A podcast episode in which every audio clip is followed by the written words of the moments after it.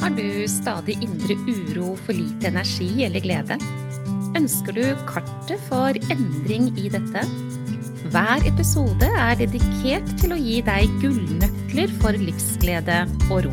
Du får strategier og innspill som hjelper deg fra nedstemt til oppstemt og fra uro til ro. Vil du ha en gratis oppskrift for å lage deg gode dager? Gå til www.gayabalanse.no for din herlige morgenrutine.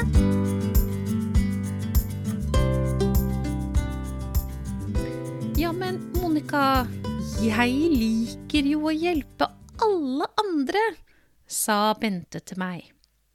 Og jeg lurte på, men du Bente, når du vil så veldig gjerne hjelpe alle andre, hjelper du da deg selv egentlig?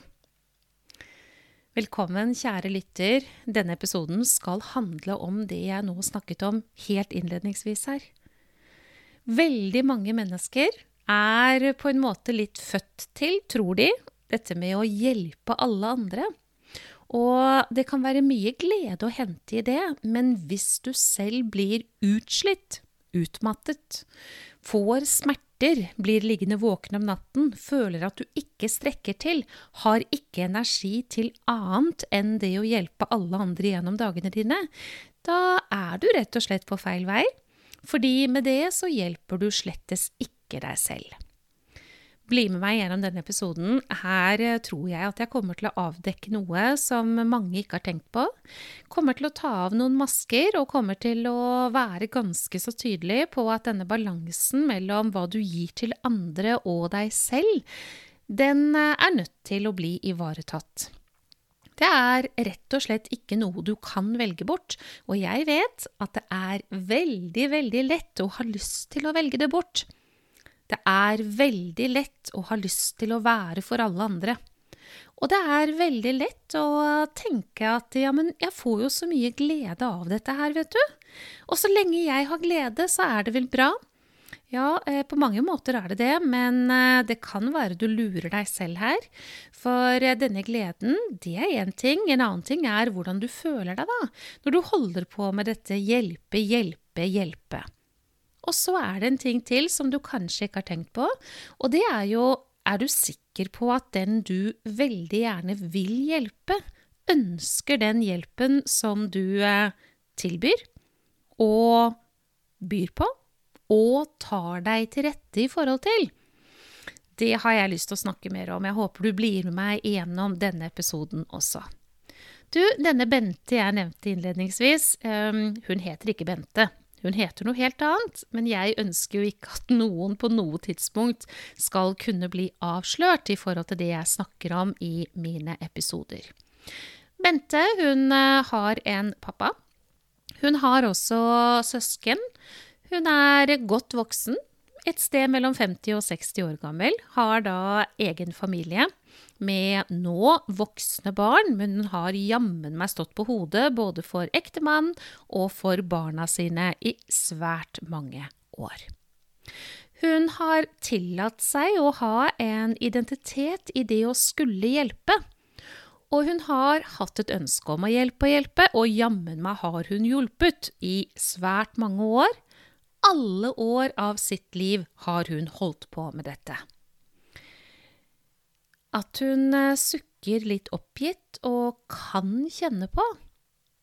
Ja visst gir det meg glede, men eh, jeg blir da jammen sliten av dette her også. det er noe vi er nødt til å se litt nærmere på. Mente var da kommet i en alder hvor eh, hennes foreldre var blitt gamle. Mor hun var blitt så pleietrengende at hun hadde blitt flyttet på en institusjon. Og heldigvis, som Bente sa det, så trivdes mor ganske så godt der hun var kommet. Og selv om alle andre i familien hadde hatt store utfordringer i tankene sine i forhold til denne flyttingen, så hadde alle innsett at det var ingen annen mulighet. Men når mor ble flyttet på institusjon, så måtte jo Bente trå til skikkelig. Mye mer enn hun alltid hadde gjort, hvilket egentlig var mer enn mest. Hun begynte da å oppsøke moren sin nærmest hver eneste dag, og hvis det var en dag hun ikke fikk mulighet fordi noe annet kom i veien som ikke var planlagt og forutsett, så ble hun svært urolig og fikk veldig dårlig samvittighet. Hun var hellig overbevist om at mor måtte få besøk av sin datter hver eneste dag og hun lagde seg noen sannheter i hodet sitt om at det skulle bare mangle at hun ikke stilte opp på denne måten for sin mor, og hun klandret sine søsken som ikke så det på den måten. Et litt interessant spørsmål her er jo om mor ønsket at Bente skulle komme hver eneste dag. Jeg eh, tror nok at mor syntes at det var hyggelig, for det svarte Bente bekreftende på at hun var veldig sikker på, men hvis mor visste at Bente hadde vondt i kroppen sin, at Bente hadde magetrøbbel, at Bente hadde smerter overalt og følte seg sliten, at Bente hadde veldig mye bekymringstanker og at hun hadde opplevd at disse økte med tiden, at Bente lå våken om natten eller våknet mange ganger om natten med hjertebank og uro, og mor hadde fått forståelsen av at dette har med belastning å gjøre, så er ikke jeg så sikker på at mor ønsket at Bente skulle komme på besøk hver eneste dag. Det ble aldri snakket om, så mor fikk ikke muligheten til å korrigere Bente, men hadde mor visst, så spørs det om mor hadde hatt ønske om hun skulle ha kommet, og gått så kraftfullt på bekostning av seg selv at hun pådro seg disse utfordringene. For kjære lytter, det er summen av de valgene vi tar, som gjør at vi får det på den måten vi får når det gjelder disse typiske symptomene på for stor belastning. Vel, da var jo far blitt alene, da, vet du, i huset der hvor mor og far hadde bodd i veldig mange år. Og Bente hun mente jo da at hun også skulle stille opp for sin far. Nå var det veldig kort avstand mellom fars hus og Bente sitt hus, så det var en gangavstand på ca. 17 minutter, som Bente sa det. Og den avstanden der, ja, hun hadde jo godt av å gå også, denne Bente, slik hun mente det, så hun gikk da frem og tilbake, i hvert fall én gang om dagen, i, til sin far for å hjelpe ham. Og som hun sa det selv, dette er direkte sitert, han må jo dusje.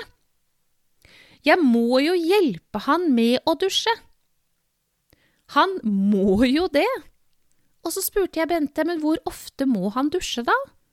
Um, jeg har jobbet som sykepleier på um, sykehjem, helseinstitusjon, og da var det jo sånn at de som bodde der, de var heldige hvis de fikk én dusj i uka. Og hvis de ikke ville, så kunne vi ikke tvinge de. Så da ble det kanskje én dusj hver 14. dag, da. Og så ble det kattevask resten. Jeg spurte Bente hvor ofte må far dusje, og hun mente helt bestemt at det måtte far hver eneste dag. Jeg har lyst til å tillegge litt sånn på siden her at eh, det er jo først i nyere tid at vi går rundt og tror at vi må dusje minst én gang om dagen, og veldig mange dusjer to ganger om dagen også. Ikke nødvendigvis noe galt med det, eh, bortsett fra at det er jo strengt talt ikke helt nødvendig. Far? Det spørs jo da hvor mye han ønsket å dusje, så jeg spurte Bente, men vil far dusje hver dag? Og da svarte hun nei, og det er jo problemet. Jeg må jo mase på han, han må jo dusje, jeg må jo ned der og mase på han om å komme seg i dusjen, for det er så vanskelig. Ja, jeg bruker dette som et eksempel fordi det handlet også om det å spise riktig, det å få seg frisk luft, det å hvile, det å holde seg i aktivitet osv., slik Bente mente at far trengte, men eh, far, han hadde ikke helt det samme synet. Så Bente hun hev seg av gårde flere ganger om dagen for å passe på at far fikk det hun mente at han hadde behov for, hvilket ikke var i overensstemmelse med far. Du, hva handler egentlig dette om? Dette behovet for å skulle hjelpe, dette behovet for å være den som støtter og løfter og holder det gående, også på bekostning av seg selv veldig, men også på tvers av hva den man hjelper egentlig ønsker. Det er jo noe i Bente som gjør at hun holder på med dette. Det er ikke trygt for Bente å la være, fordi hennes identitet har fått lov til å bli at hun er en hjelper. Og hvis du tar fra et menneske det de har valgt at skal få lov til å være en del av deres identitet, ja, så vokser utryggheten, og det lar seg ikke gjøre. Men hvis Bente skulle komme dit hvor hun hadde mer energi, sover bedre om natta, har mindre smerter, rett og slett eh, mer glede og det gode i livet sitt, så var det helt nødvendig å begynne å endre på dette. Heldigvis, når vi hadde snakket sammen en stund, så begynte hun å se blant annet at det var jo ikke fars behov hun holdt på med, og det var ikke mors behov heller i dette med å dra på besøk til henne hver eneste dag men det var hennes eget behov. Bente sa også på et tidspunkt, direkte siterte der nå, de forventer at jeg skal ordne det. Men jeg orker det jo ikke. Forstår ikke de hvorfor jeg ikke orker da?